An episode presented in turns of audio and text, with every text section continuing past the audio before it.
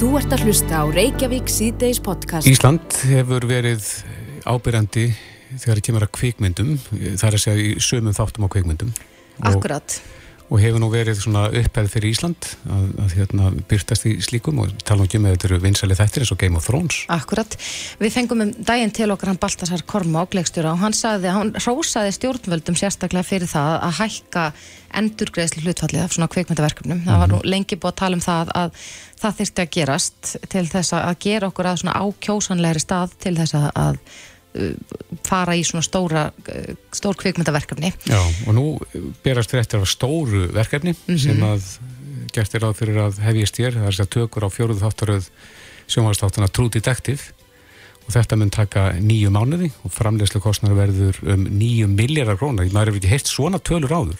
Nei, mér skilst að þetta sé bara eitt starsta, bara verði starsta kvikmyndaverkefni í Íslands sögunar Já En við erum komin í samband við hann Einar Hansen Tómasson, fagstjóra hjá Íslandstofu. Komdu sæl Einar. Komið vel. Já, er þetta rétt hjá okkur? Þetta, verður þetta stærsta kvikmyndaverkefni Íslands sögunar? Nei, hinga til. Komur ekki með eitthvað stærra sérna. Já, en, en eh, er, sko, við hefum oft talað um það hér að Ísland er, er eh, já, með ímist tækifæri í þessum efnum og uh, þessi hækkun og endugræslu hlutfallinu gerur okkur að enn ákjásanleiri stað fyrir slíkverkefni. Eigum við mikið inni? Já, ég held að við eigum það já. Sko, hvernig ég var ekki. Eh, þannig er að þegar maður var að byrja í þessu að, að það var sko fyrst að bara láta fólk vita hvað Ísland það er í. Mm -hmm. Núna er bransinn hólúð bara mjög við með þetta um hvað Ísland getur og, og verkefni síðustu 10-15 ára er það sklokk merki. Uh, það að fá endurgreiflega på 35% breytir hins vegar öllu á mínum mati. Mm -hmm. Það gefur okkur tækifæri að fá verkefni til að vera lengri tíma og uh, lögin er náttúrulega sett upp þannig að það eru 25% fyrir öllu verkefni sem hafa verið að koma til aðsynsinga til en þú getur fengið þessi aukar um 10% ef þú velur lengur eða meiri peningum og það finnst með að vera svona já, hún slettur um game changer fyrir, fyrir, fyrir bransan já, já.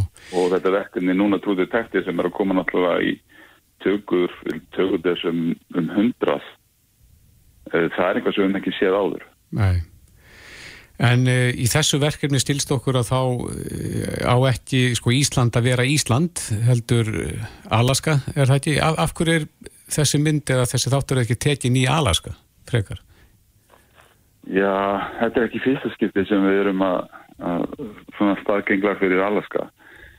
Sko, vandamálið kannski fyrir Alaska að þessi svæði sem að þeirri vilja skjóta á hafa ekki þessi innviði sem Ísland hefur. Mm -hmm. Aðgangun er bara einfallega betri hér að svona sem út í tökustöðum. Mm -hmm. Og svona það breytir óslega miklu að þetta stúdíu sem Baltasar hefur byggt upp í Guðunusi, eh, það kemur svo rosalega sterti núna og þessi tvö nýju svið sem að eru verið að fara að taka núni nótkun samtal þrjú, það hérna, er, er, er, er einhver sem að vera horfum náttúrulega til í þessum öfnum líka, þannig að þetta er ekki bara útitökur, þetta er líka stúdiotökur Akkurat, en, en sko ég, ég átti mig mjög illa á þessum tölum. Uh, nýju miljardar króna er þetta að setja þetta í samhengi við önnur stóru verkefni sem hafa verið uh, að tekja upp hér eins og til dæmis Game of Thrones eins og myndast þann Já, sko, Game of Thrones náttúrulega komið hérna á fyrir hvert einasta sísón eða maður rétt til utan eitt. Mm -hmm. Það voru alltaf minnitökur, uh, það voru bæði first unit, plate unit, second unit eins og maður kallar það, svona mismöndi tegundir. Uh, og, og hérna stoppuðu stutt í hver skipti sko til að setja í samhengi var fólk mann eftir sko Fast and the Furious myndin sem tekið upp í Hjörlandi uh -huh. og hún eitti samtals 25 miljónum dólara á sín tíma og ég er að við eitthvað gengi var en það voru, það voru cirka 2,5 miljardur Já, þannig að þetta eru alltaf aðra tölur Þetta eru alltaf aðra tölur sko. og það var stærsta verkefni yngar til uh mhm. -huh. En, en um, ég, ég sé það hérna á myndum sem ég sá inn á vísupunkturis að þú varst hérna með Lili Alfredsdóttur úti núna á dögunum þar sem að, að já, þeir voruður að vera að kynna Ísland sem áfangastað í, í þessum tilgangi. Já, sko ég sko búin að vera í, í þessu hlutverki núna í held í 18 ár cirka, að þetta er nú ekki fyrsta ferðin sem þér þangað. En það er mikilvægt að fá Lilji með mér í þetta skiptið að, að kynna rauninni þessa hækkun og hvað það fylgur í sér og líka kynna stefnir stjórnvalda bara almennt í, í skapandi greinum Og hvernig var, já, hvernig var eitthvað tekið? mjög vel, virkilega vel og, og hérna uh, ég myndi segja hún algjörlega slegið í gegn í, í, í, þessum heimsóknum okkar í, í stúdíun sko. Slegið í gegn í Hollywood? Já, algjörlega menna að, að, að, að þeir, þeir aðla sem við vorum að funda með voru mjög hrifnir af þessum, þessum plönum ríkistörðunar við vorum að kynna uh, bæðkvipnunar en svo líka verið að, að kynna tækifærin í að taka upp tónlist í Íslandi í sömu ferð. Þannig að þetta var virkilega góð ferð og stiður við það starf sem við erum að vinna í Íslandstofi í, í, í Hollywood sko. Heldur að fólk svona almennt átti sig á því hversu sko, mikil verðmæti svona verkefni geta skapað bara fyrir þjóðarbúið sem slikt? Ég, já, ég held að það sé verið svona fólk sé verið meðvitar um það. Íslendingar hafa alltaf verið mjög hittnir af því að fá þessi erlendu verkum til landsins og, og verið mjög viljir og, og ég man sko fyrsta verkum sem var að vinna það að reyna að fá til landsins það var flags og faður sem klint vist út og tökustæði stjóru þeirra sagði sko eina ástand þessu völdum í Ísland var að það var svo rosalega jákvæmt jákvæmt andrumsloft á Íslandi við öllu því sem við vorum að ræða á þeim tíma mm -hmm. uh, það var þessi kend og spirit eins og norðaða við mig sko og sem er rosalega jákvæmt fyrir, fyrir svona orkar orðspor Já. að Íslandika séu svona jákvæður gagvart uh, kvikmundöfum Er þetta svona þetta íslenska þetta rettast höfðar? Nei, sko, í þessu bransi er þetta ekkert sem, sem sem rettast. Það er bara þessi, þessi jákvæðni fyrir mm -hmm. því að láta hlutina gerast. Það er það sem skipur öllu máli. En segði mér aðeins, sko, nýju miljardar, þetta eru, þetta eru nýju mánuður í tökum. Verður öll serían tekin á Íslandi? Það er að segja bara nánast öll atriðin í seríunni? Já, en svo náttúrulega eftir, eftir vinslu hlutin á þessu og slikt, sko, þannig að, að það fyrir ekki allt fram hér en, en, en svona töku, tökulitin hann fyrir fram hér. Og er eitthvað komið eitthvað svona plan á þetta? Hvar, hvar á landinu þetta verður? Ég get ekkert tjáð með um það. það hérna, verður á fleirin einu stað. Já, akkurat. Og það er, það er langt í að við verðum uppselt, er það ekki, þegar það kemur á svona verkefnum? Jú, ég held að sko, sko þetta er það sem að unga fólki vil vinna við. Það vil vinna í skapandi grein, hvort sem það er í uh, tölvulegjum, bónlist, kvikmyndum eða öðru, öðru svona skapandi. Mm -hmm. Þannig að það er bara, finnst mér mjög jákvæmt að, að stjórnvöld sé að búa til umhverfi sem ítir undir uh, þann yðnað. Akkurat. Og, og kvikmyndagerðin er, er eitthvað því og kvikmyndastarna sem kom fram e, fyrra er náttúrulega mjög gott innlegin þetta allt saman og, og mun bara hjálpa til við að láta það verða veruleika. Já, uh, þetta er spennandi og það er um að gera að taka vel á móti þessu fólki sem er kemur hérna í þessum tilgangi. Einar Hansen, Tómasson, fagstjóri hjá Íslandsstofu, kæra þakki fyrir þetta. Takk ykkur. Þú ert að hlusta á Reykjavík C-Days podcast. Jæja, Reykjavík C-Days heldur áfram. Málefni barna hafa verið ofalega á, á baui upp á síkastið. Akkurat, mikil klámnótkun barna hefur verið til umræðu, aukin harka í, í ofbeldismálum og við höfum verið að fá fleiri og fleiri dæmi þessa að, að börn beiti vopnum Mm -hmm. uh, í slikum átökum. Já, og í kynferðsbrotamálum að þá færist það í vöxt að, að börn séu gerendur, Mm -hmm. ekki bara þólendur. Já, ég held að við sjáum það öll að þetta er ekki góð þróun Nei, og uh, hér á dögunum þegar mikið var fjallað um um, kynferðsbrot og, og svona viðbröð við, við uh, slíkum ásökunum í FSU Mhm. að þá var nú aldrei talað um, um hérna, skýrslu starfshóps sem að skipaður var af mentamálaráður á sínum tíma sem að skilaði af sér fyrir rúma ári síðan en, en þar var meðal annars talað um viðbrasáallinir og, og, og fleira í þeim dúr sem að já, hefði nú kannski verið gott að hafa Já, í en- þessu tilviki. einmitt, en endaði svo stíslaðin í skúfu og ekkert meira gert með hana. Ásmundur Einar Daðarsson, barnamálar þeirra komið til okkar velkomin. Takk fyrir. Já, Takk hvað var þeim þessa stíslu sem að, þessa umtöluðu stíslu? Já, ég held að hérna uh, Já, það eru fjölmörg verkefni þar sem að eru komin í farveg hér og þar og einhver voru reyndar í farvegi og þegar þetta mál kom upp núna fyrir einhverju viku tíu dögum síðan að, að og þetta var unni eins og ég segja á loka metrum uh, í tíð Lilju Alfredsdóttur uh, þannig að skíslan kom út og hún var senda á alla aðila því fyllt á eftir með samtölum við skólamestar og fleira. En þetta eru ólíkar aðgerð sem þarna voru inni og, og mér var það á í viðtali hérna fyrir einhverju skammu síðan að gefa í skinn að við þurftum að spýta í lóana þarna, þá fikk ég nú bara skammur úr nokkrum áttum vegna þess að það var meira komið á stað heldur en mér var kunnugt um á þeim tíma. Uh, uh, það til dæmis varðandi viðbrasáallanir að, að uh, það hefur verið núna undir, undir fórustu fórstisráðansins þá er verið að vinna viðbrasáallinum í grunnskólakerfinu uh, það er verið að fara að vika þá vinna út núna yfir í framhaldsskóluna Þannig að, þannig að allt er þetta, það er eitt aðrið, það er komið í farveg vegna þess að við þurfum að vera með áallanir um það hvernig við ætlum að bregðast við. Það er hins vegar ekki þannig að við getum bara slengt fram viðbrasáallin sem tekur bara gild á morgun vegna þess að skólanir eru ólíkir, aðstæðunar eru ólíkar, við erum bæði með framhaldsskóla sem að ríkið rekur, við erum líka með fjölmarka skóla sem ríkið er bara með þjónustsamning við.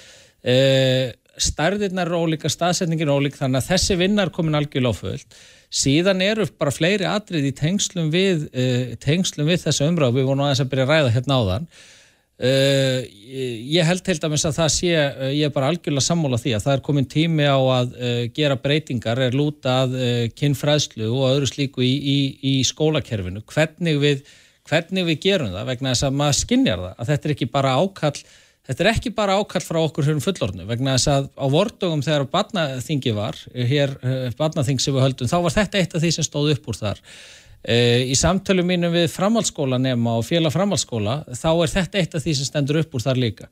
Það er hvernig við erum að nálgast þessi mál og nám í dag, það þarf að vera miklu það þarf að vera miklu víðari grunni heldur en þegar við vorum bara að læra íslensku og starffræði uh, en, en uh, þessi vinna er líka komin á stað og þetta var eitt af þeim aðröðu sem var uh, vitnað til í þessari skýslu og hefur reynda komið í fleiri skýslum en eitt sem að mér finnst vanta inn í það þegar við, þegar við tölum um að breyta og segjum, herru þetta er ekkert mál, okkur er þetta bara ekki skellt inn í grunnskóluna við erum með hundruði grunnskólu í Ísland og við erum með þúsundur barna sem er í námi. Uh, skólanir eru reknir af sveitafélagunum, uh, bæði leik og grunnskólar. Ég held að ríkið hafi allt og langan tíma uh, meðvitað held ég á milli ríkis og sveitafélag að verið svolítið afskipta löst gagvart grunnskólastíðinu og leikskólastíðinu líka. Í sveitafélagin hafa rekið þetta, við höfum litið svo á að það eina sem sé okkar hlutverk sé að, að gefa út aðalnámskrá, taka við stjórnsýslukærum og einhverju slíku. Eh, það hefur verið kallað eftir í talsverðan tíma að ríki stýji fastar inn í þjónustu við skólakerfið. Það er að segja vegna þess að það að breyta aðalnámskrá er eitt, en hvernig ætlar þú síðan að ná að innlega það? Bæði með gögnum, skóla, eh, skóla námsgögnum, endurmentun kennara, þjálfun kennara til þess að koma þessu til, á, á raunverulega stað, á raunverulega þannig að þetta smiti, smiti inn í allt og þar held ég að e, sé verka vinna og, og þetta er eitt af því sem bæði mentastefna og, og ný farsaldalögjöf hveður áum. Það er að ríki taki að sér í þessum verkefni sem er á hendi sveitafélagana svona uh, aukið miðlagt hlutverk. Er, er ríkið ófæstum að vinna rætt? Sko, ég held sko, ef þú ætti að vera bara, uh, ég held að það séu allir sem er að starfi í svon geira, þú fer bara og talar við kennaran sem er að kenna börnunum ykkar. Þá myndu ekki geta sagt við hann heyrðu þú ert að hreyfa þig og hægt. Ef þú talar við skólastjórun fyrir ofan, þá er það ekki heldur þannig. Skólastjórun heyri síðan undir sveitafélag og sveitafélag þarf að vera í samskiptu við ríkið. Ég held að sé einfallega bara þegar þú ert með svona fjölmarka aðila sem að eru að, að sinna þessu hlutverki uppfræða börnin okkar þá til þess að koma bóðum áfram þá þarf ykkur svona að, að vera með sterkara samhæfingar hlutverk. Og keira það hrætt í gegn. Og keira það hrætt í gegn og tryggja það komist í hvernig einasta bekk og hvernig einasta skóla og, og ég bara fullir því að skólastjórnendur og kennarar og þeir sem er að vinna með börnunum okkar að sjálfsögðu vilja þau, alveg saman hvort það er í grunni eða framhaldsskólum, að sjálfsögðu vilja þeir gera vel í þessu málum. Ég meina þetta fólk er að heyra sömu fréttinnar og við og er að skinja sömu hlutina Þannig að hérna, uh, en þarna held ég, og ég held þetta að sé, þegar grunnskólinn og leikskólinn fluttust yfir til sveitarfélagana fyrir 25 mánu síðan, þá var það svona meðvitað bara sagt, heyrðu, ríkið er hérna, eh, stýrir, ríkið stýrir ekki þessu lengur heldur gera sveitarfélagina. og þar með var ríkið svolítið svona syndið þessu ekki mjög mikið og ég fann þetta þegar ég kem úr félagsmálráðandin yfir í mentamálráðandið Uh, og þó vil ég segja að þetta opnaðist talsvört á síðasta kjörtjómabili uh, með, með meira samstarfi þarna á milli. Er að í, í félagsmálráðandinu var ég að vinna með málefni fallasfólks uh, félagsstjónustu sveitafélag og við komum að hoppa þar. Ríki var að koma miklu meira inn í þá þætti. Þannig að, þannig að heilt yfir held ég þetta snúist um að við þurfum bara að setja aukinn slagkraft í þetta og við erum undirbúið breytingar hvað þetta snertir Uh, undirbúa breytingar á mentamálastofnun sem á að þjónusta skólakerfið til þess að fylgja þessu fastar og eftir að vera með þetta þjónandi hlutverk gagvart, gagvart uh, skólakerfin og þar með börnunum. Akkurat, þannig að mentamálastofnun myndi þá vera þá sáaðili sem að hefur yfirsýnina sem að, að samhæfir þetta á milli sveitafélag. Já, mentamálastofnun í, í mínum hugu hefur verið kallað eftir talsast lengi er að það, ríki komi sér upp einhverjum svona þjónustu aðila uh, Uh, og höfum rætt þetta við sveitafélagin í landinu við kennararsambandi og fleiri og ég sé fyrir mér að mentamálastofnun verði þessi stofnun. Við erum núna búin að auglýsa forstjóran þar og er að taka núna viðtölu þessa dagana við mögulega kandidata. Uh, við erum að vinna breytingum á þeirri stofnun, mögulega þarf lagabreitingar til þess að skerpa á hennar hlutverki sem sá aðili sem að uh, á að vera tengingin þarna á milli vegna þess að það er mjög uh, skrít, eh, það er ekki nóg að jáfnveil þó að ráð þegar hann sé með laugin og námsgráðnar og allt þetta þá er eitt að segja hlutina og annað að koma um til framkvæmda og það á að vera, afl, á að vera tækið okkar til þess að, til þess að uh, koma svona sjálfsögðum hlutum til framkvæmda og að sjálfsögðarinn að gera þess rætt og við getum. Mm -hmm. En við höfum nú séð það að, að þetta eru málefnum sem að, að brenna á þér, þessi barnamál og, og nú erum við að sjá já, allskynns fréttir af ofbeldi, klámnótkun, uh, kynferðisbrotum og fleira hjá að yngri börnum. Hvernig e, er besta leiðin til að grípa þarna inn í, er það í gegnum skólana? Uh, já, það eru auðvitað þannig að, að sá aðil í íslensku samfélagi sem hefur mestan snertiflöt við börnin uh, eru skólanir. Uh, þannig að þar höfum við tækifæri til þess að uppfræða börnum mörg og annað. En besta leiðinu þetta til þess að hafa áhrif á börnin er í gegnum fjóreldran og fjölskyldunar mm. og, og, eh, og ég held að við þurfum sem samfélag að fara að taka svolítið svona sterka umræð um það og það er hlut hefur núna innleðingun á þessu nýju farsaldalögum hvernig ætlum við að þjónusta fjölskyldur í landinu, hvernig ætlum við að aðstofa fóreldra við að gera sig grein fyrir því? Að því við vorum að tala um það hér áðan að kannski bara skiptir það mestu máli að, að eigða meiri tíma með börnunum gefa sér tíma til þess að ræða við og taka þátt í tómstundum. Og nú er ég ekki að fullir það, með þess er ég ekki að segja að foreldra séu að standa sér illa á Íslandi, heldur bara að kannski er þessi hraði á samfélaginu og allt þetta í sambland við tæknin að hafa þessi áhrif, ég veit það ekki, uh, en ég held að, að, að það hafi veruleg áhrif á það um, og, og, uh, og hluti af innleðingun á þessu nýju farseldarlögum sem að, uh, eru núni í innleðing og mun taka þrjú til fimm ár vegna þess að það eru það eru það margir aðalega sem komaði er að nota tölfræðina uh, nota all, allar þær upplýsingar sem við höfum til þess að greina hvar borgar sér stíg inn í og með hvaða úrræðum og með hvaða aðgerðum. Vegna þess að ef að þú myndir uh, spurja mig hvað er best að gera þá myndi ég þá segir maður strax, við þurfum að skipulegja það hvar við höfum að grípa inn, við þurfum að mæla það hvar við höfum að grípa inn í. Við þurfum líka að gera okkur grein fyrir því getur verið breytilegja á milli svæða.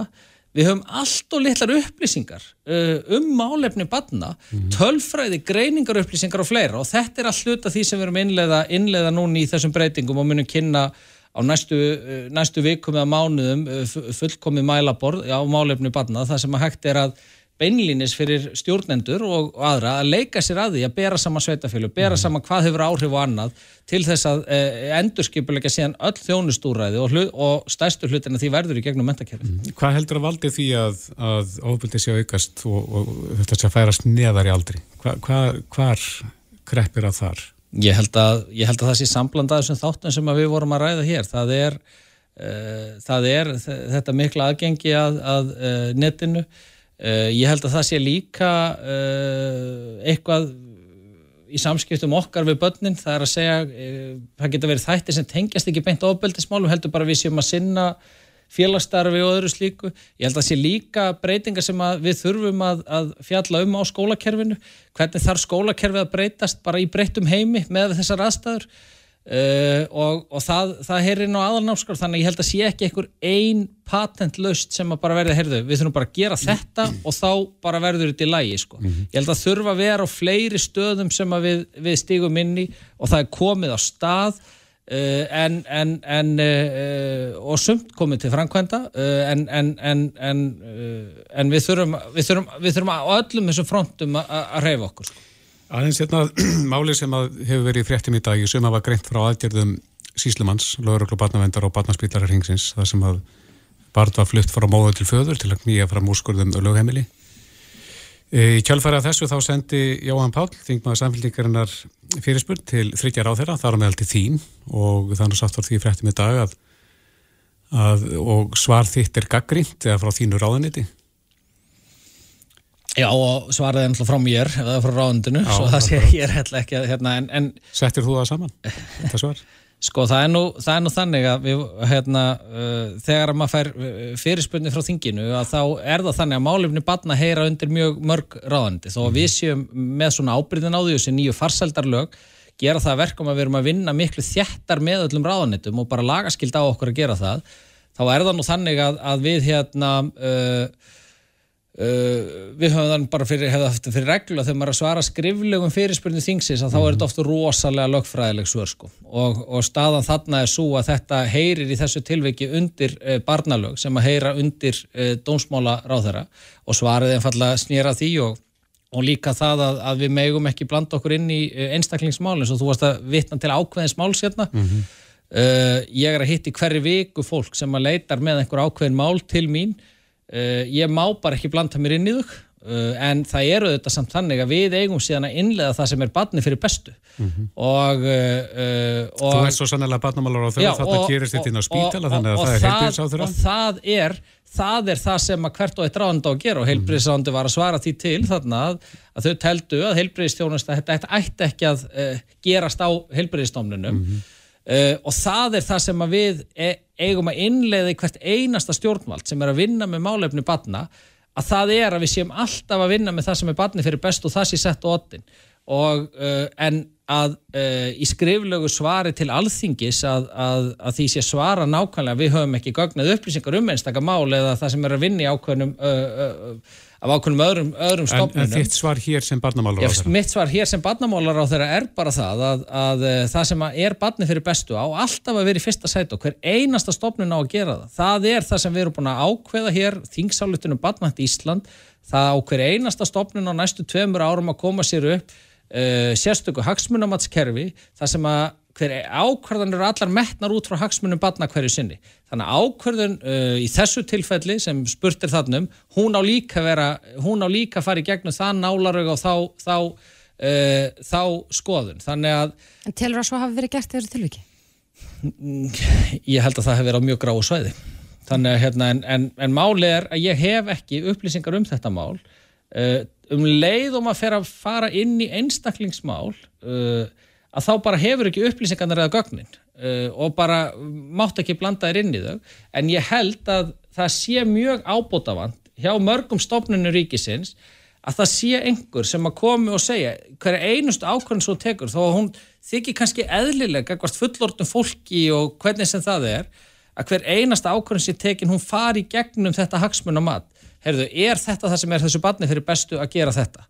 Og það getur oft verið erfiðar ákvarðanir. uh, vegna þess að uh, stundum eru hagsmunir í báðar áttir og allavegna og það held ég að sé ábútafant að víða í kerfinu að það sé gert og það er það sem við erum að þrýsta á núna og fengum samþygt á alþingi að hver einasta stofnun og aðilegt að fara í gegnum það að vinna slikt. Þannig að þegar ef að þið varu stofnun hér og þið varu að taka ákvörðun um eitthvað mál, þá verður það að rýna það frá þessum augum sem eru, sem eru augu hagsmuna hagsmuna barnana hverju sinni. En er svo þekking til staðar innan allra stofnuna til þess að geta tekið upplýst ákvörðun um hvort að tiltekið sé barni fyrir bestu? Uh, nei, það er ekki þannig í dag og, og, uh, og það er það sem við þurfum að breyta og það er það sem er svo fallegt við samfélagið að sjá það að þegar að svona er samþygt uh, þverrpolítist á alþingi, við förum að vinna eftir því að þá munum við breyta samfélaginu en það tekur tíma, skiljur við, en hver einasta stofnun á að gera þetta á næstu árum að breyta sínum störfum þannig að við séum með, við erum til dæmis komin með í útlendingalögin, af því að þau eru nú búið að vera mikið í umræðin og málefni í badna þar að þar skuli alltaf unnið hagsmunum að badna. Eh, við höfum, við höfum hins vegar verið að eh, ræða þá, ég ræt, hef rætt að bæði við núverðið dónsmálráður á fyrri, að það kann vel að vera þau hagsmunumöld séu ekki nægilega vel unnin en það er búið að setja inn varnaglan að það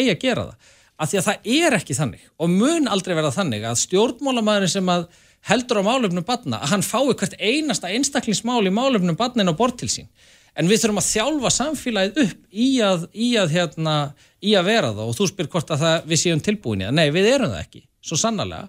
En við erum líka, vil ég segja, ef okkur tekst þetta, þá erum við það land í heiminu sem verður komið lengst hvað þetta snertir og við erum að riðja brautin í þessu og við ætlum okkur líka, ég menna það er samkvæmt mælingum í dag, er best að vera barn á Íslandi við berum bara allsfélag saman gangast barnasáttmálunum, við viljum halda okkur þar við viljum leiða vagnin þar og, hérna, og, og til þess þá þurfum allir að taka þátt í. Já, Ásmundur Einar Dadarsson eh, barnamálar á þeirra, kæra þætti fyrir komina Takk, takk Þetta er Reykjavík C-Days podcast Við höldum áfram hér í Reykjavík C-Days og ætlum núna þess að tala um já, helbrið starfsfólk Já Við ætlum ekki endilega að vera bara að tala um manneklu eða skort þar á núna mm -hmm. eins og hefur mikið í umræðinu undarförnu en, en uh, alvarleg atvik á uh, í heilbriðstjónustu er eitthvað sem að, að ja, þetta kemur fyrir mm -hmm. og ég man eftir því núna fyrir nokkru mánuðum síðan kom hann til okkar hann Tómas Guibersson og hann talaði meðal annars um það að alvarlega atvik, það er meiri líkur á því að svona alvarlega atvik í helbriðstjónustu gerist ef það er mikið ála á starfsfólki. Mm -hmm. og mannekla, mannekla já, mm -hmm. og nú er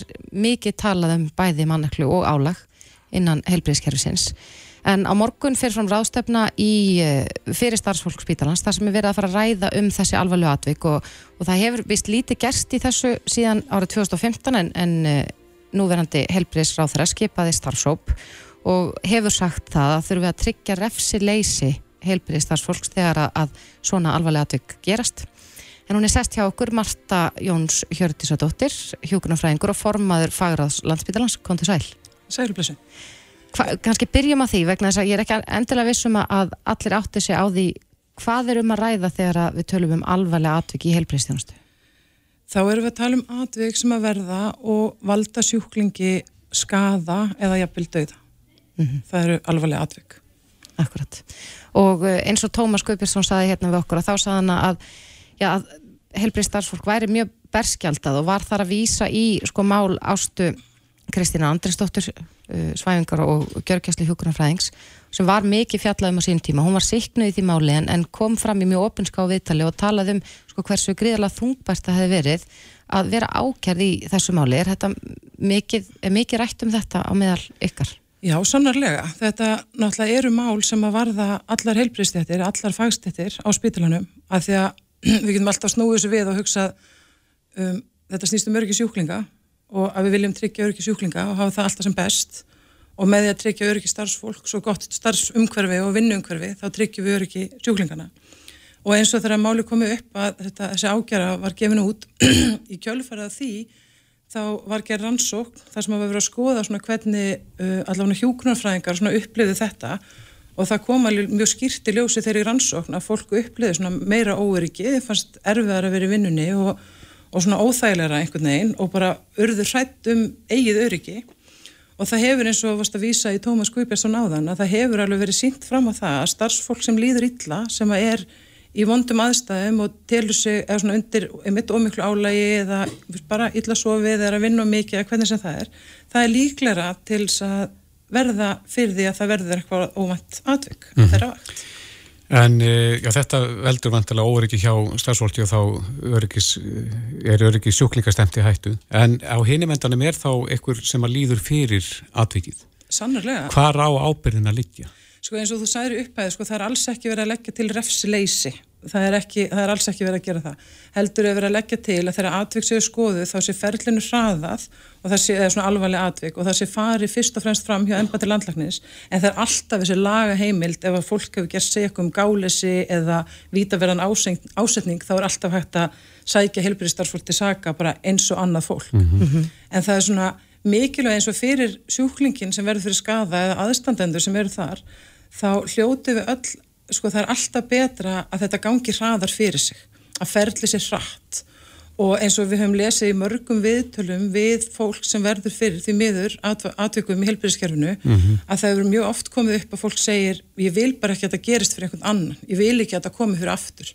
Og það er svolítið það sem við verðum að horfa á að við séum það sé fljótt, fljótt farið í gegnum að vinna atvikinn þannig að það sé fljótt hægt að læra þeim og fljótt hægt að gera úrbætur mm -hmm. og til þess að það sé hægt að vinna atvik þá þarf, þarf líka að vera ofinska umræða, við þurfum að vera óhrætt við að tilkynna, við þurfum að vera óhrætt við að segja frá og tala saman og við þurfum alltaf að trista hvort öðru Hefur ekki komið til greina að, að spítalinn bara sé ábyrðar aðil? Það er talað um það í þessum nýju lagabreitingum að mm -hmm. það mhm. sé sko gert einhvern veginn að stopnunin beri ábyrð, það sé ekki starfsmörn sem slíkur þegar að Veist, eins og núna þá hefur verið, verið rótargreind á landsbytula rosalega veist, eitthvað í kringu 50-60 atviksi, alvarlega atviksi síðan 2013 og rótargreiningin til að komast á rótvandans, hvað kom raunverulega, hvað gerðist raunverulega og ennþá eru öll þau atvik sem hafa verið rótargreind, þau eru, kemur í ljósaður samverkandi þættir. Það var ekki einhver ein manneskja með illan ásetning sem gerði eitthvað, heldur mhm. var þetta stofnin, umhverfið, einhvað sem gerist mm -hmm. sem verður til þess. En, en eh, eitt af því þess, þess að hefur stundu verið líkt við sko flugbransan vegna þess að það er, er mjög, mjög skýrt í öllum verkferðlum að, að tilkynna skuli öll já, minniháttar, meiriháttar óhöpp og, og það er engum einum kent um þetta er bara stundum verða mannleg mistök, stundum verða óhöpp og fleira. Eh, er sem sagt lagt til að þetta fari meira í þá áttina að, að fólk þórið að standa upp og segja strax frá ef eitthvað fer úr skeiðis. Já, það, sko, það er bara einn af grunnþáttum öryggismenningar að fólk þóri að standa upp og segja ef eitthvað gerist eða reynlega ef eitthvað næstum því gerðist. Vist, ef ég var næstum því búin að gera óst, gefa óstóra skamta einhverju livjum, þá er mjög mikilvægt að ég segi frá því þannig að þetta skoða býtu á hverju gerðist þetta næstum því? Hvernig getum við alveg tryggt að þetta gerist aldrei mm. að í alvörunni? Og það, það er bara, sko, það er kannski erfitt að byrja okkur stundum saman við flug, flugið að því að aðal tækin okkar í öllu helbriðskerfinu eru manneskjur. Vist, það er, maður getur hugsað eins og út frá launakostnaði, það er stærstu kostnaðurinn í helbriðskerfinu er launakostnaður og stærstu tækin okkar eru við manneskjurnar, ekki, ekki græjunar sem við erum alltaf að nota. Meðan kannski fluginu þá er flugvelin kannski mm -hmm. aðaltæki, eða svona þetta er aðeins öðruvísi, en við getum tekið margt frá flugina því þau eru búin að skoða ymslegt og til dæmis þess að mannlegu þætti, hvernig er mikilvægt að um samskipti sér opinn, við getum öll staðið upp og sagt stopp, við þurfum að stoppa hér, það þarf einhvað að breyta einhverju og svo leiðist. Þannig að sannarlega eru við líka að horfa þangað þó við verum alltaf að muna að heilbriðstarfsfólk, já, það er náttúrulega manneskjur eins og við öll og við viljum öll gera vel. Akkurat, en nú hefur eins og við komaðum sinna við einn áðan, það er mikið búið að tala um, um sko bæði manneklu og mikið álag, við erum að heyra fréttir af því að, að fjöldun allar af hjúkurnafræðingum er að segja upp störfum og, og þetta er kannski ekki já, í ofanálag ef að, ef að þér verður síðan refsað fyrir möguleg mistök sem gætu orðið út af álægi og manneklu kannski ekki til þess gert að trekja að starfsfólk. Nei, við erum einmitt núna bara svolítið först í einhverjum svona vítaring. Við, það hefur alveg sko svona bara stóra rannsóknir, eða svona rannsóknir við skoðaði við um Evrópu að sagt, fólk vill ekki koma að vinna í svona umhverfi og ef fólk vill ekki koma, við erum meira álæð það sem eftir er. Og við erum svona svolítið föst í þessum vítaring þannig að við þurfum einhvern veginn einhvað að gera til að rjúfa þennan vítaring og einn partur er, að, er þessi lagabreiting og halda áfram með þetta. Annar partur er líka að stopnunin þarf sannarlega að tryggja starfsfólki stuðning og þjónustu og gott vinnuumhverfi.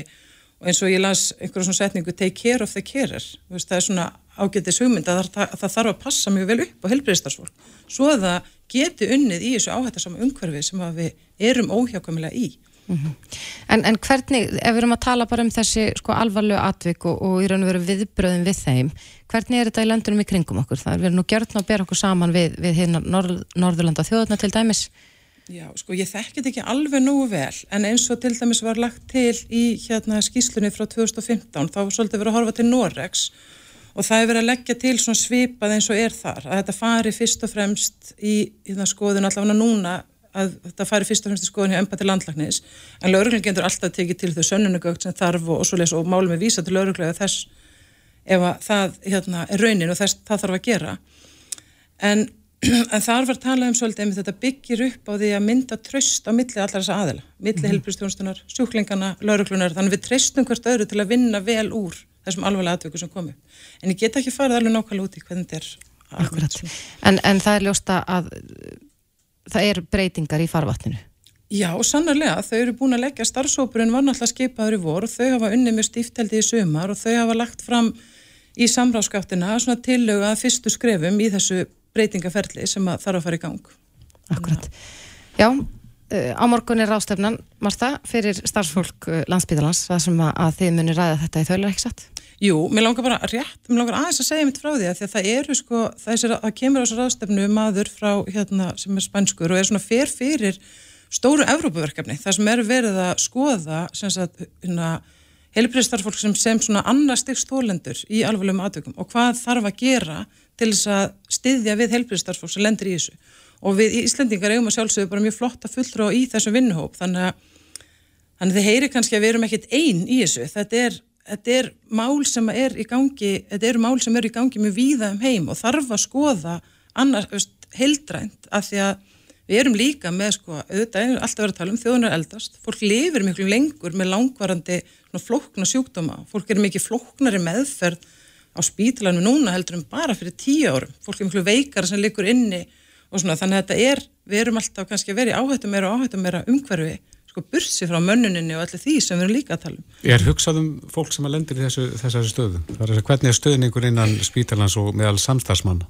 Emmitt, það er bara sko, ég hef nú ekki heyrt annað en að stöðningur meðan samstagsfólk sé góður. Ég er bara sem, hérna, þekkið ekki alveg nógu vel. Spítalin er með stunds- og ráðgjáðatemi sem á að koma inn í svona, í svona málum en það er sannlega sóknarfæri í því af því að það þarf alltaf að gera svolítið betur og það hefur verið, svolítið kallar mikið á það auðvitað, að við þurfum að fá stuðning til þess að geta bara verið í þessu, af því að líka hefur alvarlega atvik hafa mjög neikvæð áhrif á líðan og helsu starfsfólkslendur í því, það hefur bara við sínt fram það og þú myndist á viðtalið við ástu, mm -hmm. þar kom mjög skýrt fram hversu mikil áhrif þetta hafði á hennar líf og það er ekki einstæmi Vist, fólk röklast úr störfum, fólk fyrir veikindalegi þarf ég að nota mikið þjónustu, helbriðstjónustu og eða skiptur um starfsvettvang það er alls konar sem gerist og hefur líka jafnvel, sko, tala um þetta hefur jafnvel efnaðslega áhrif, almenn félagslega áhrif í engalífi, sveppleysi og ímislegt, þannig að það er til mikils að vinna að stoppa þetta Einmitt.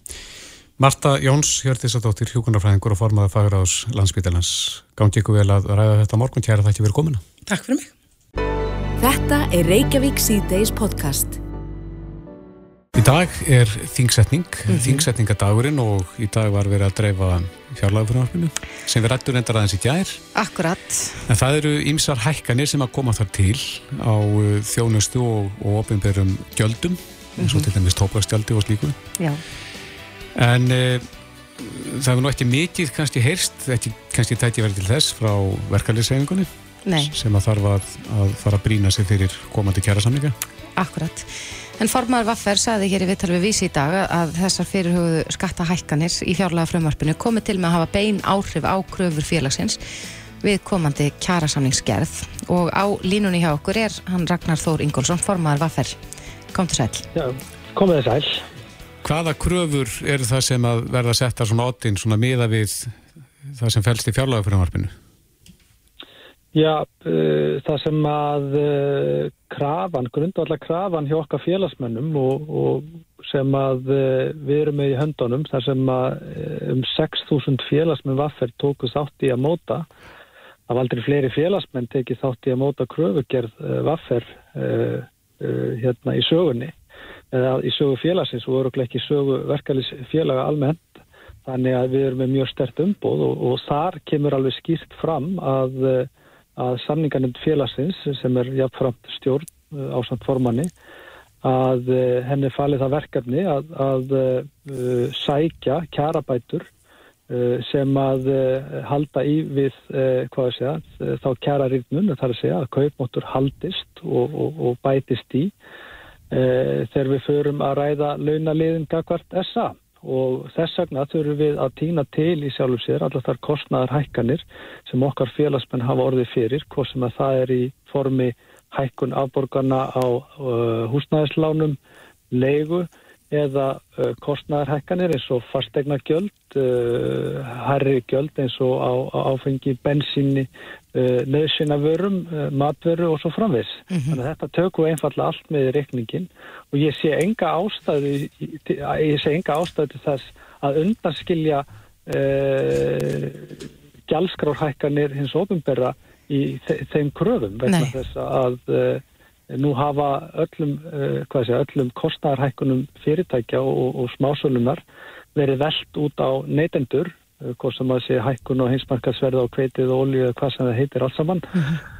uh, og þessu hefur verið uh, uh, hent beint yfir á neytendur, arðsemiskrafa, jafnvel eins og í fjármálakerfinu og sem er líka hjá uh, stóru uh, fyrirtækjunum í, í dagvörunni hefur jafnvel uh, aukist uh, og aukist jafnvel uh, heilmikið, hagnaður aldrei verið meiri.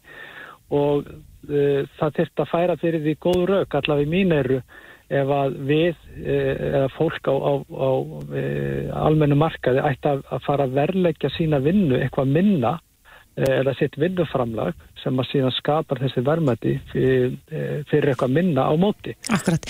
En, en Ragnar, hvernig sér þið þá fyrir, sko, verður þetta hreinlega bara reiknað út, sko, hvaða kostar fyrir eh, hinn hefðbundna þjóðfélagstegn að, að, að lifa sinu daglega lífi? Að sjálfsögðu. Að sjálfsögðu. Þannig að þetta er nokkuð einföld reikn, reikningsformúla. Já, já, uh, það er alltaf verið að kalla eftir einhverja ábyrð eða svona óljósri ábyrð frá verkefælisreifingunni að uh, hér skiptir miklu máli að, að sína hófsemi og, og slíkt.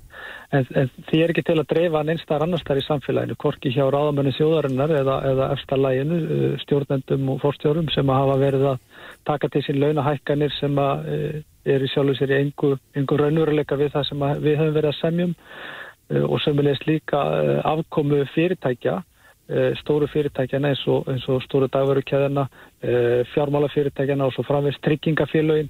Ég, var að fara yfir tryggingata hjá henni félagsmanni og það er hafa hækkað um eh, frá 2019 um, um tæpar 70.000 krónur. Eh, þannig að við erum að tellja þetta allt saman til vegna þess að við ætlum okkur ekki að, að eh, gefa neitt eftir næstu kjærasamningu hvað var það að, að, að láta skilja vennilegt vinnandi fólk eftir eh, með einhverja ábyrð á herðunum eða, eða breið bög þegar enginn í okkar samfélagi hefur sínt vott af eh, samfélagsleiri ábyrð í þessu ástandi sem við erum í, bæði verðbólgunni stjórnvöld hafa algjörlega bröðið sínum hlutverki hvað var það húsnæðismarkaðin og Sæðlabankin virðist vera á einhverju veffer sem að uh, fæstir skilja eða allavega á ekki uh, hvað segja uh, á sér ekki uh, nokkur dæmi í siðmentaðri þjóð hvað varðar uh, vaksta hækkanir og, og, og, og hérna og þær prósendur sem hafa verið, þeir hafa verið að demba yfir á þjóðuna á, á mjög skömmum tíma. En hvað segjur þið með þær fullinningar, Ragnar, að, að þessar hækkanir, launahækkanir, ef þær verða veglegar, eða kröfunar, að, að það, það smitist út í verðlægið? Það sé bara tekið úr hægri vasanum og sett í það vinstri? Uh, í sjálfur sér er þetta söngur sem að uh, hefur heyrst uh, frá upphafi kjærasamninga, má segja. Er, er, En er ekki eitthvað, eitthvað sannleikskort í því? Í fyrsta lagi er, er aldrei, aldrei neitt svigrun til launahækana og í annar stað að það fer bara beint út í verðalagið. Auðvitað vitum við það og við höfum séð það bara á, á beinhörðum tölum að verðlags uh, eða rauninni kostnæðar hækkanir hjá fyrirtækjum hafa farið beint út í verðlag. Engal tilraunin hafa verið gerðar til þess að hlýfa neytendum eða, eða almenningi í landinu fyrir verðlagshækkunum, ekki nokkur einasta. Uh, við veitum líka til dæmis að samtöku atvinnlýsins hafa uh, stutt Sælabankan í þessum gríðalögu vakstahækkunum sem hafa verið núna síðustu 12 mánuði eða síðustu rúma 12 mánuði hafa stýrivextir hækkað um 4,5% og hlustuði nú vel skuldir fyrirtækja á Íslandi skuldir fyrirtækja er um 5.000 miljardar eða nánast tvöfalt það sem að heimilin skulda ef að 4,5% stýrivasta hækkanir skila sér að fullu uh, ofan á kostnað uh, skuldsettra fyrirtækja að þá erum við að tala um hvorki meira en minna en um 235 miljardar eða margfalt það sem að kostar að loka kjærasamningum en samt heyrist ekki hóstni stuna varandi þennan kostnaður auka e, ofan á fyrirtækin frá samtökum atvinnlýsins. Mm -hmm. En þegar við erum að tala um að loka kjærasamningu og almennu vinnumarkaði sem kostar kannski brota því sem fyrirtækin er að taka á sig í aukin vakstakostnað að e, þá er það breyði bökin e, almenningur sem á að halda sér höndum og, og, og, og segja. En hvað þarf að gerast til þess að... Það er einfallega ekki að fara að gerast. Nei, en Ragnar, hvað þarf að gerast til þess að kröfur verkefælisreifingarinn að verði hóflegar? Hvernig þarf umhverfið að vera þá? Og hvað þarf að gerast fram að því? Já sko, eh, fyrir það fyrsta að þá erum við ekkert að fara fram með einhverja hóflega kröfur. Eh, ég er ekki að búa til kröfugerðina hjá okkar félagsmennum í vaffer. Eh, það eru félagsmenn sem að forgangsraða í okkar kröfugerð og við munum fara fram á og það verður skýrkrafa að við munum sækja kjarabætur fyrir þeim kostnaðurauka sem að okkar félagsmenn og heimili þeirra og fjölskyldur hafa orðið fyrir. En myndi það hjálpa til að lækka stýrivexti til dæmis? Það sjálfsögðu við síðustus kjarasamningar snýrust um að ná niður vakstastíð. Síðan gerist það að þeirra búið að veiða fólk í, í, í hérna E, bæði í mikla fjárfestingar í húsnaðu og svo framviðs að þá fer selabankin að kera hér upp stýrivexti núna talar hann um að hér þurfa að hækka vexti að því að neysla sér svo mikil e, á sama tíma er ríkið að opna fyrir úttækt á sérregnarsparnaði e, við veitum öll af hverju verðbólk er svona há á Íslandi. Það er fyrst, og fremst út á húsnaðismarkanum og uh, rauninni sko, hagstjórna mistökum Sælabankans það kom ekki strax með mótvæðis aðgerir í kjölfari vastalækana þetta bara liggur algjörlega fyrir. Hér er mikil vöndun á, á húsnæði og þetta hefur leiðið fyrir mörg, mörg, mörg ár. En það er ekkert sem bendir til þess að þetta sé að breytast annað en einhverjar yfirlýsingar sem að ég var nú að fundi í hádeginu dag að hlusta á innveðar á þeirra og húsnæðis og mannverkjastofnun tala um og, og, og hérna formað samtækka sveitafélag Eh, koma með enn eina yfirlýsinga um enn fleiri þúsund íbúður en það er einhvern veginn ekkert að fretta e, þegar það kemur að eh, hennu raunverulegu uppbyggingu. Það er ennþá verið að byggja eina með 2500 íbúður á ári eða réttin með 2000 á, á næsta og, og það er ekkert verið að, að, að það er ekkert sem bendir til þess að það sé neinn glóra í þessum yfirlýsingu sem að hafa verið að koma fram. Þannig að e, þetta verður mjög strempin vetur mm -hmm. fyrir okkur verkefælisreifingunni og bara held ég samfélagi allt. Já, ég held að það sé nú auglust eins og segir að þetta verður strempin vetur og þetta verður líka, uh, já, verður áhuga verið mánuður framöndan þar sem að, þessar kjara viðröður fara fram en uh, nú berast þrettir af því að, að, já, að þú íhugir frambóð til fórseta aðeins í Ertu búin að gera upp hugðin í þeim öfnum eða liggur ennþá undir feldi? Ég er ekki búin að gera upp hugminn eh, en það fer nú að stittast í það. Eh, ég er fyrst og fremst bara að ræða við. Það hefur verið trist verulega á mig að, að, að taka, uh, taka slægin. Hver eru líkurnar núna? Ég, ég veist að ég er bara rómulega að segja. Ég, ég, þetta snýst ekki um mig eða eitthvað stóla. Þetta snýst fyrst og fremst um það hvort það sé viljina reyfingarnar til þess að, að segja, rífa upp alltíðsambandið og, og gera það því afli sem að því kannski var uppalega ætlað að vera og, eh, og til þess að, að það sé hægt að gera hann ákveðna breytingar og, og þá þarf að vera raunverulegu vilji hjá fólki, jáfnveil fólki sem hefur verið að takast mjög harkalega á, að þarf að vera einhver vilji til þess að vinna saman. Ef að sá vilji er til staðar þá, þá get ég alveg hugsað mér að, að, að taka það verkefni að mér. Uh, en uh, það kemur ljóðbantala bara á allra næstu dögum. Ég ætla ekki að gefa mig langan tími í þetta að, að hugsa, hugsa mig um, um, um, um, um hvort ég farið ekki. Þetta snýst bara fyrst og fremst um vilja aðeldafélagana og hvort það sé virkileg stemning fyrir að gera eitthvað með þetta. Annars, uh, já, annars uh, verður þetta bara hálf umbóslust uh, apparat í mínum huga. Finnst þetta að hafa verið slíkt í eitthvað tíma núna? Umbóslust? Já, það, það, það, hefur verið, það sem hafi, hafi verið bara mjög hörð átökunan alþýðsambansins og það smitast út frá sér. Uh, þegar Gilvi Arbjörnsson var uh, með fórsett alltíðarsambansins að þá, uh, þá var ekki tröst hjá almenningi, hérna almenna félagsmanni þó að, þó að stæstu aðeldafélagin hafi stuttan til embatis á þeim tíma. Og ef þú hefur ekki fylgið, ef þú hefur ekki segja, trúveruleikan, stuðningin og tröstið til þess að fara framga hvort þínu viðsemyndum að þá, þá, þá verður árangurinn eftir því. Og sama eins og segja eins og núna síðustu ár eftir að, eftir að Kilvi fór og, og drífa á kemur inn að þá, þá einhvern veginn uh, verður heilmikið sundrung. Fólk, uh, það, það er ekki uh, hvað ég segja við erum ekki að saminast á þessum vettvangi og vera þetta svona saminniða afl sem allt því að sambandið á að vera. Og, eh, og það er eh, já, það er eiginlega tíma eisla að mínu mati að, að fara í slikt verkefni nema sér unveruleg vilji hjá aðaldafélagunum að, að eh, horfa það sinna við og rýfa þetta svolítið upp Láka þig að leiða það verkefni að samina verkefnisreifinguna?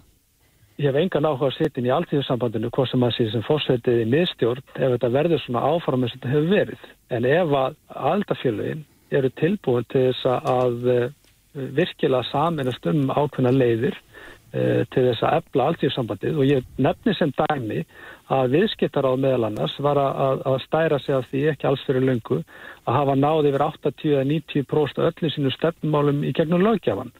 Uh, ég hugsa, ég hugsa að, að, að horfa á slíkar tölur frá alþýðursambandinu sem eru hagsmunni samtökum 130.000 uh, launafólks að þá væri, þá væri sá samanböru líklast uh, niðurlægandi. Að sama skapi erum við með stóra lofarðapakka sem stendur út á borðinu kakar stjórnvöldum sem hefði átt að vera verkefni alþýðursambandsins að ná í gegn eftir mm. lífskjærasamningin. Þetta er allt óend og við erum að fara í kjærasamninga núni í haust Þannig að eh, ef aldrei sambandið á að hafa raunverulegt vægi og hlutverk að þá þarf að, eh, bæða að gera einhverja breytingar og það þarf að samanist um þessar breytingar og það þarf að vera stuðningur í kringu þar og, og, og það, það, það, það úrslit, hefur úrslit áhrif í mínum ögum. Já, við komumst í miður ekki lengra. Ragnar Þór Ingálsson, formadur Vaffer, við heyrum síðar þegar þú ert búin að gera upp hugðin. Takk kærlega fyrir þetta. Takk, takk, takk sem leiðis.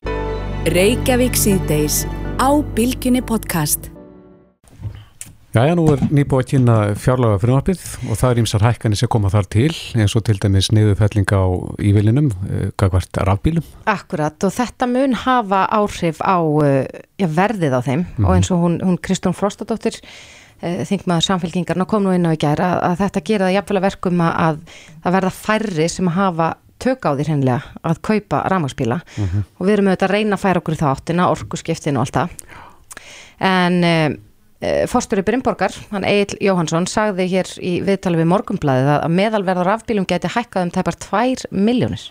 Já, það fyrir hrollur um einhverja sem eru kannski á, á þessum buksónum að, að fara yfir í orkuskipti Akkurat.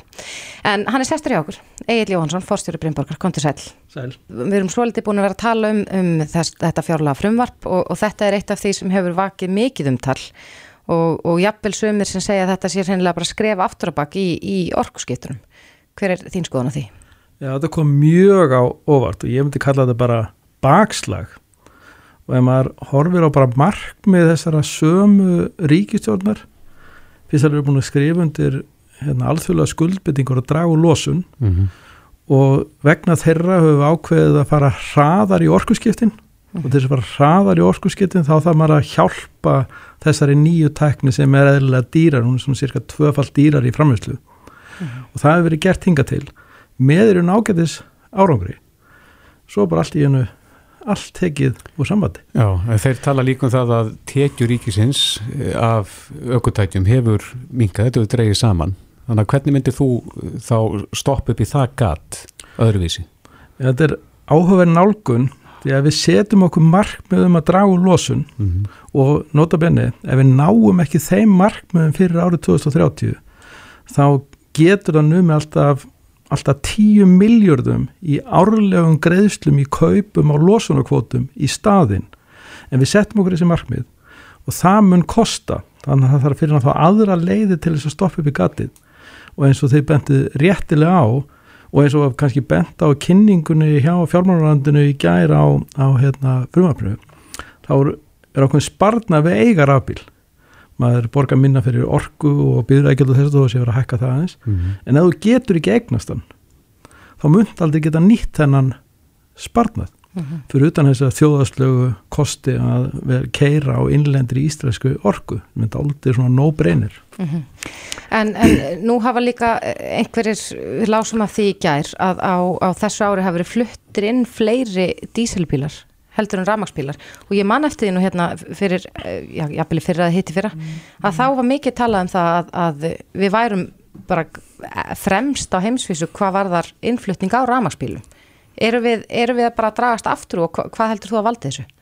Já, eins og ég sagði á hann ramaspílar eru dýrari eða þessi nýja tekniða dýrari og þess vegna höfum við ívilnað uh mhm. -huh. og ívilnaðum bæði hreinur afbílum og tengildvinnbílum við tókum allar ívilnanir af tengildvinnbílum núna í mæ, 7. mæ og strax minkaði salan mhm. -huh. og ef við tek fyrstu sjö mánuð ársins á þessu ári þá er hlutur hreitnar afbíla 24% árið fyrra var 25% hann verður strax á ni niðurleið og jú, það hefur aukist innflutningur á bensín og dísimbílum meðal annars út af hérna, verðmun en líka út af bílalegunum. Það sem er að gerast núna nú er ferðarþjónustan að komin á fullt og bílalegunar þurfa endur nýja bílalflótan og stækka bílalflótan en ívilnandi sem er í gangi núna hend ekki bílalegum henda einstaklingum og hefbundu fyrirtækjum. Þannig að bíl, rafbíla fyrir bílaugur eru allt og dýrir fyrir utan að erlendi ferðamenn eru í raun ekki rosalega spenntir að fara á rafbíl þegar innviðinir er ekki sterkar en þeir eru. Þannig að það þarf að fá bílalegurna til að draga svolítið vagnir þarna. Þeir eru, er það ekki stærsti kaupandi aukutækja? Það sem afið þessu ári hafa bílalög keitt 51% af öllum bílum sem eru nýskráður á Íslandi. Já, og þá munar það að hvort að það er rafmagnir eða dísil eða bensin. Já, og það sem er kannski áhugavert í þessu við erum með rosalega skýr markmið að draga úr losun þess að draga úr losun þurfum við að orku skipta mm -hmm. og við erum í einstaklega stöðu er að tækninu komin. Það er ekki ofsinn tækninu komin við gafum svona stóru vandamálum. Það eru kominir ramars fólksbílar, jeppar sendibílar að koma stræðisvagnar eru kominir stóri vörubílar eru að koma vinnubilar eru að koma. Þannig að þetta likur fyrir. Það er eina sem við þurfum er fjármagninu þess að flýta orkusskiptunum uh -huh. og þú nefndi bílalegur það þarf sérstaka aðfætt til að ívilna fyrir þau að þetta eru bara þannig fyrirtæki og skattalega þarf að gera öðru sætinu gagvart einstaklingum og fyrirtækjum sama leið þarf að nota gagvart fyrirtækjum sem kaupa sendibíla kaupa vörubíla, þunga hérna, þungaflutningabíla og vinnuvilar uh -huh. við erum með löndi svo Noreg að því þú spurðir áðan hvort þið væri fremst við erum næst fremst uh -huh. Noregur er fremstur þar er hlutvallar afbíla komið í 65% heildasölunni og við tökum alla vistvanabíla, tengiltvinnbíla með þá eru þeir heldur sér komnir yfir 85% Hvernig er með bílalegjurna þar, vistu það? Þekkið ekki alveg hérna, sundurleðina en þeir eru konið mjög lengri við og hvað eru norsku stjórnvöld að gera? Þau eru að halda áfram ívilunum þau eru búin að segja, þau verða minnst eitthvað í tvö ára viðbót meðan við erum eitt þriðja þeirra árangri og við erum strax að fara að slökka á ívilnunum. Mm -hmm. En sko eins og þú sagði á þann að þá voru uh, þessar ívilnanir fyrir tengil tvinnbíluna ja, teknar af núna á þess ári og við sáum strax mun.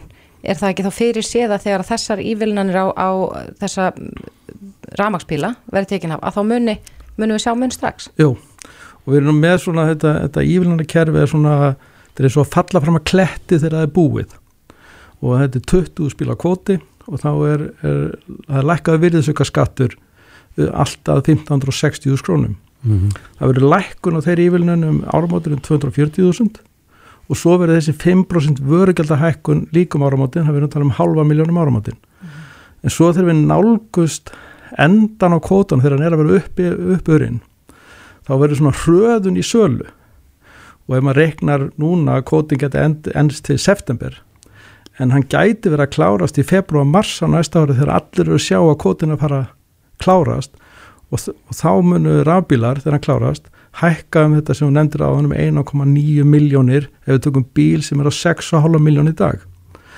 og þetta er mjög áverð í ljósi orgu skiptur þessar markmiða að bensínbíl sem kostar 6,5 miljón í dag hann mun hækka um 3% út af þessum breytingum mm -hmm. og það hækka um svona 200-300 krónur rafbíl sem kostar 6,5 miljónum dag mun hækkun 30% eða með 1,9 miljónir mm -hmm. Þetta mjög undarlega skilabátt út, í, út í bensin eða dísil.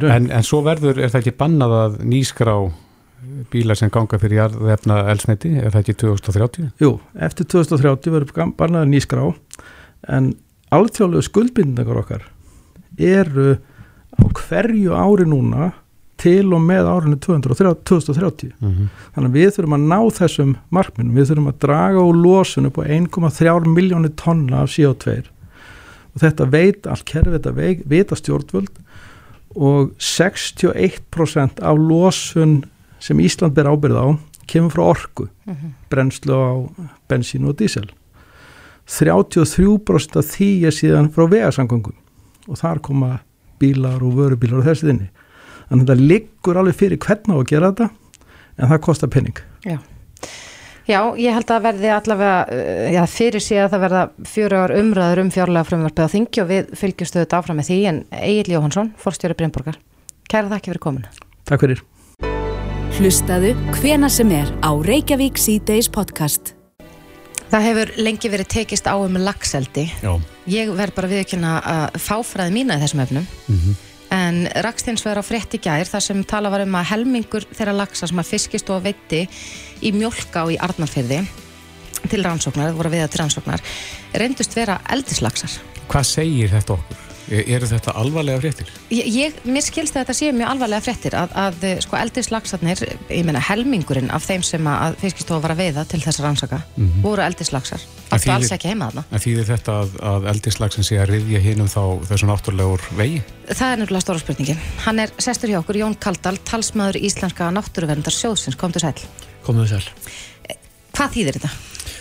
Sko þetta er fyrst og fremst bara staðfesting á því sem eh, við vitum að hefur gerst í öðru löndum og það er að, að sjókvealdi sem er svo gerð á lagseldi sem er umdelt því að það er sjókvealdi sem hefur skadlu áhrif á, á náttúruna það er tækni sem er stödd við þar, eh, hún byggir á netapókum, það er bara netapóka sem hanga í grind. Og eins og, eins og við vitum öll þá er ekki spurning um hvort netrófni, heldur bara hvenar og þessi lags sem, eldist lags sem hérna fannst þetta mjölk á það talið að hann hafi komið úr, úr kví sem rofnaði í fyrra uh, í Jarnafyrði og bara aðeins til að setja þetta í samengi þá voru þeirri kví 120.000 lagsar einni kví allur íslenski vilti lagsastofnin er svona 50-60.000 eldis, ne, enna einstaklingar mm 50-60.000 fiskar sem er íslenska uh, lagsastofnum. Það er inn af helmungur heldun í einni sjókví.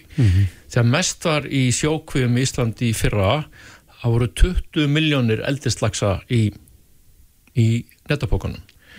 Og við vitum þetta frá Noregi að, að það sleppur fiskur, hann sleppur bæði í stórum sleppillesum en líka svona stöðu leki eh, smáfiska. Og það verður erðaflöndun. Í Nóri er svo komið að, að tveir þriðju viltu laxastofnum þar bera merki erðaflöndunar og þá kun- kunni einhver að spura sig en er þetta eitthvað slæmt, er þetta ekki bara lax? Og við því svar er, er tiltölulega þeir eru spurningum til einfalt svar. Sko, lax hefur la- lagað sér að náttúrulegum aðstafum í ámu Ísland á tíðust árum. Og, og hver á hver spræna er með sinn náttúru laxastofn?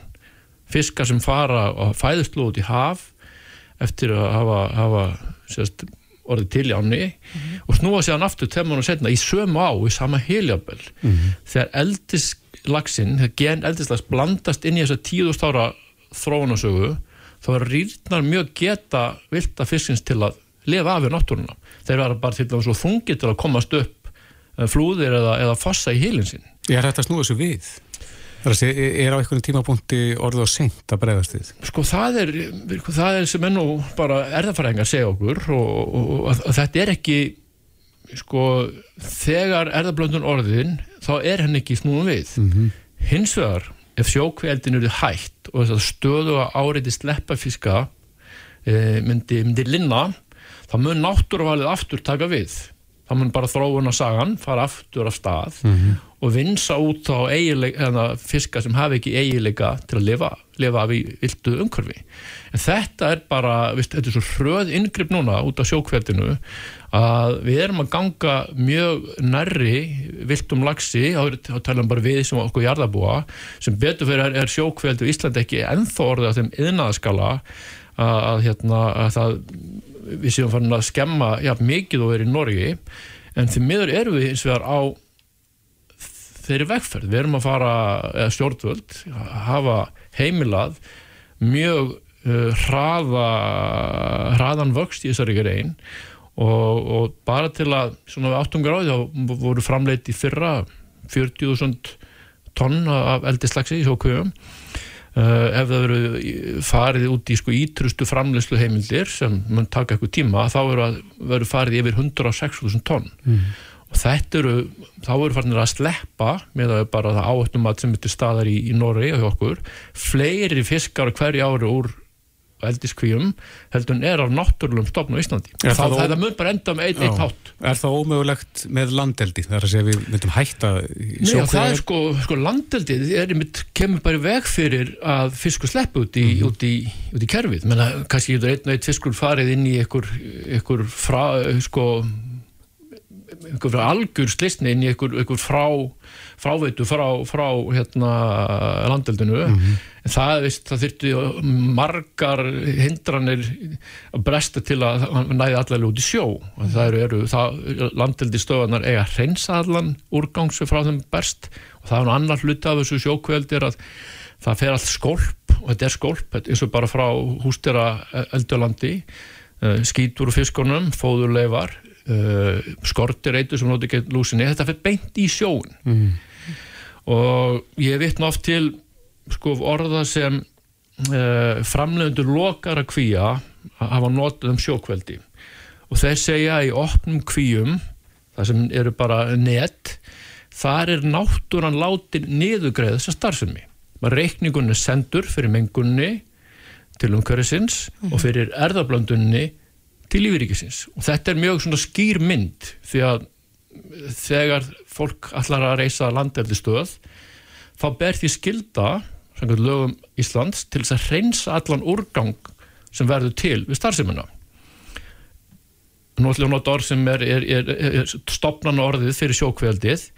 Af því að sjókveldið er fram í viðtakanum þá þarf ekki að reynsa eru til. Og þetta hljómar alveg svo viðáttu galið því að frá hverju tonni sem er alið í sjókveðum kemur mengun sem ráfið 16 íbúa. Og, og hugsa ykkur, ef við förum upp í þessu 106.000 tonn þá erum við, fara, erum, erum við að tala um mengun á við e, sko, skolpmengun mínus sábuefni á við 1,5 miljón manna.